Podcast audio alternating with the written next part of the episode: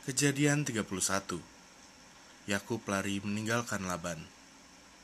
Kedengaranlah kepada Yakub anak-anak Laban berkata demikian. Yakub telah mengambil segala harta milik ayah kita, dan dari harta itulah ia membangun segala kekayaannya. Lagi kelihatan kepada Yakub dari muka Laban bahwa Laban tidak lagi seperti yang sudah-sudah kepadanya.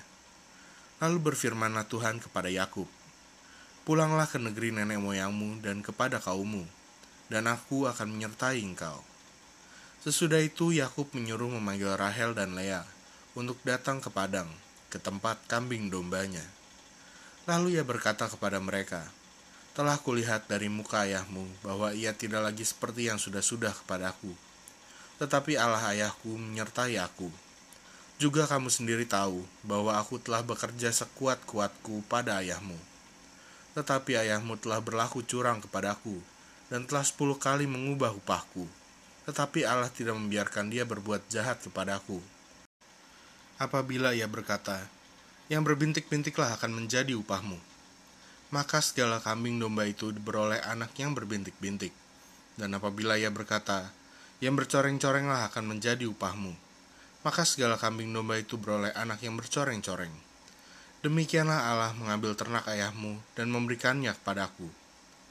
Pada suatu kali pada masa kambing domba itu suka berkelamin, maka aku bermimpi dan melihat bahwa jantan-jantan yang menjantani kambing domba itu bercoreng-coreng, berbintik-bintik, dan berbelang-belang. Dan malaikat Allah berfirman kepadaku dalam mimpi itu, Yakub, jawabku, ya Tuhan. Lalu ia berfirman, Angkatlah mukamu dan lihatlah, bahwa segala jantan yang menjantani kambing domba itu bercoreng-coreng, berbintik-bintik, dan berbelang-belang. Sebab telah kulihat semua yang dilakukan oleh Laban itu kepadamu. Akulah Allah yang di Betel itu, di mana engkau mengurapi tugu, dan di mana engkau bernazar kepadaku. Maka sekarang, bersiaplah engkau, pergilah dari negeri ini, dan pulanglah ke negeri sanak saudaramu. Lalu Rahel dan Lea menjawab Yakub, katanya, Bukankah tidak ada lagi bagian atau warisan kami dalam rumah ayah kami?' Bukankah kami ini dianggapnya sebagai orang asing karena ia telah menjual kami? Juga bagian kami telah dihabiskannya sama sekali. Tetapi segala kekayaan yang telah diambil Allah dari ayah kami adalah milik kami dan anak-anak kami. Maka sekarang, perbuatlah segala yang difirmankan Allah kepadamu. Lalu bersiaplah Yakub, dinaikkannya anak-anaknya dan istri-istrinya ke atas unta Digirinya seluruh ternaknya dan segala apa yang telah diperolehnya, yakni ternak kepunyaannya, yang telah diperolehnya di Padan Aram. Dengan maksud pergi kepada Ishak ayahnya ke tanah Kanaan. Adapun Laban telah pergi menggunting bulu domba-dombanya.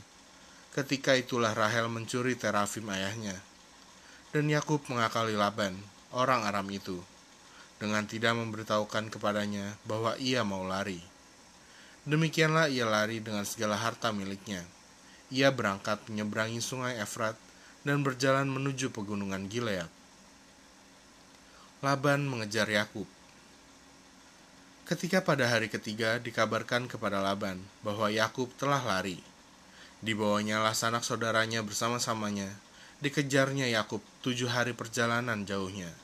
Lalu ia dapat menyusulnya di pegunungan Gilead. Pada waktu malam, datanglah Allah dalam suatu mimpi kepada Laban, orang Aram itu, serta berfirman kepadanya, Jagalah baik-baik, supaya engkau jangan mengatai Yakub dengan sepatah kata pun. Ketika Laban sampai kepada Yakub, Yakub telah memasang kemahnya di pegunungan. Juga Laban dengan sanak saudaranya telah memasang kemahnya di pegunungan Gilead. Berkatalah Laban kepada Yakub, Apakah yang kau perbuat ini? Maka engkau mengakali aku dan mengangkut anak-anakku perempuan sebagai orang tawanan. Mengapa engkau lari diam-diam dan mengakali aku? Mengapa engkau tidak memberitahu kepadaku, supaya aku menghantarkan engkau dengan sukacita dan nyanyian dengan rebana dan kecapi? Lagi pula engkau tidak memberikan aku kesempatan untuk mencium cucu-cucuku laki-laki dan anak-anakku perempuan. Memang bodoh perbuatanmu itu, Aku ini berkuasa untuk berbuat jahat kepadamu, tetapi Allah ayahmu telah berfirman kepadaku tadi malam, Jagalah baik-baik, jangan engkau mengatai Yakub dengan sepatah kata pun. Maka sekarang, kalau memang engkau harus pergi, semata-mata karena sangat rindu ke rumah ayahmu, mengapa engkau mencuri dewa-dewaku? Lalu Yakub menjawab Laban, Aku takut, karena pikirku, jangan-jangan engkau merampas anak-anakmu itu daripada aku. Tetapi pada siapa engkau menemui dewa-dewamu itu, janganlah ia hidup lagi.' Periksalah di depan saudara-saudara kita segala barang-barang yang ada padaku, dan ambillah barangmu. Sebab Yakub tidak tahu bahwa Rahel yang mencuri terafim itu. Lalu masuklah Laban ke dalam kemah Yakub dan ke dalam kemah Lea dan ke dalam kemah kedua budak perempuan itu. Tetapi terafim itu tidak ditemuinya. Setelah keluar dari kemah Lea, ia masuk ke dalam kemah Rahel tetapi Rahel telah mengambil terafim itu dan memasukkannya ke dalam pelana untanya, dan duduk di atasnya. Laban menggeledah seluruh kemah itu, tetapi terafim itu tidak ditemuinya. Lalu kata Rahel kepada ayahnya, Janganlah Bapak marah, karena aku tidak dapat bangun berdiri di depanmu, sebab aku sedang haid. Dan Laban mencari dengan teliti, tetapi ia tidak menemui terafim itu. Lalu hati aku panas dan ia bertengkar dengan Laban. Ia berkata kepada Laban, Apakah kesalahanku? Apakah dosaku? Maka engkau memburu aku sebat itu. Engkau telah menggeledah segala barangku. Sekarang apakah yang kau temui dari segala barang rumahmu? Letakkanlah di sini di depan saudara-saudaraku dan saudara-saudaramu, supaya mereka mengadili antara kita berdua.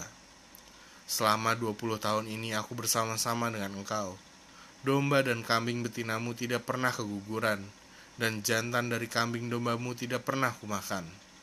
Yang diterkam oleh binatang buas tidak pernah kubawa kepadamu. Aku sendiri yang menggantinya. Yang dicuri orang, baik waktu siang, baik waktu malam, selalu engkau tuntut daripadaku. Aku dimakan panas hari waktu siang, dan kedinginan waktu malam, dan mataku jauh daripada tertidur. Selama 20 tahun ini aku di rumahmu. Aku telah bekerja padamu 14 tahun lamanya untuk mendapat kedua anakmu, dan enam tahun untuk mendapat ternakmu. Dan engkau telah sepuluh kali mengubah upahku. Seandainya Allah ayahku, Allah Abraham, dan yang disegani oleh Ishak tidak menyertai aku, tentulah engkau sekarang membiarkan aku pergi dengan tangan hampa. Tetapi kesengsaraanku dan jerih payahku telah diperhatikan Allah, dan ia telah menjatuhkan putusan tadi malam. Perjanjian antara Yakub dan Laban. Lalu Laban menjawab Yakub, "Perempuan-perempuan ini anakku, dan anak-anak lelaki ini cucuku, dan ternak ini ternakku. Bahkan segala yang kau lihat di sini adalah milikku. Jadi apakah yang dapat kuperbuat sekarang kepada anak-anakku ini, atau kepada anak-anak yang dilahirkan mereka?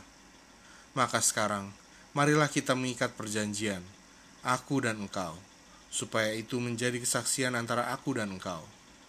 Kemudian Yakub mengambil sebuah batu dan didirikannya menjadi tugu. Selanjutnya berkatalah Yakub kepada sanak saudaranya, "Kumpulkanlah batu." Maka mereka mengambil batu dan membuat timbunan. Lalu makanlah mereka di sana di dekat timbunan itu. Laban menamai timbunan batu itu Yegar Sahaduta tetapi Yakub menamainya Galet. Lalu kata Laban, Timbunan batu inilah pada hari ini menjadi kesaksian antara aku dan engkau. Itulah sebabnya timbunan itu dinamainya Galet, dan juga Mispa. Sebab katanya, Tuhan kiranya berjaga-jaga antara aku dan engkau, apabila kita berjauhan.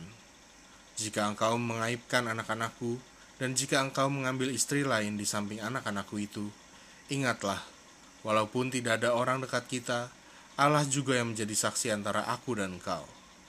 Selanjutnya kata Laban kepada Yakub, Inilah timbunan batu, dan inilah tugu yang kudirikan antara aku dan engkau.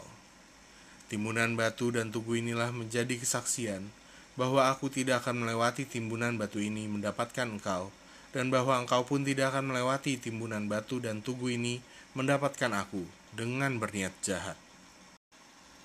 Allah Abraham dan Allah Nahor, Allah ayah mereka, kiranya menjadi hakim antara kita. Lalu Yakub bersumpah demi yang disegani oleh Ishak ayahnya, dan Yakub mempersembahkan korban sembelihan di gunung itu. ia mengundang makan sanak saudaranya, lalu mereka makan serta bermalam di gunung itu. Keesokan harinya pagi-pagi, Laban mencium cucu-cucunya dan anak-anaknya, serta memberkati mereka. Kemudian pulanglah Laban kembali ke tempat tinggalnya.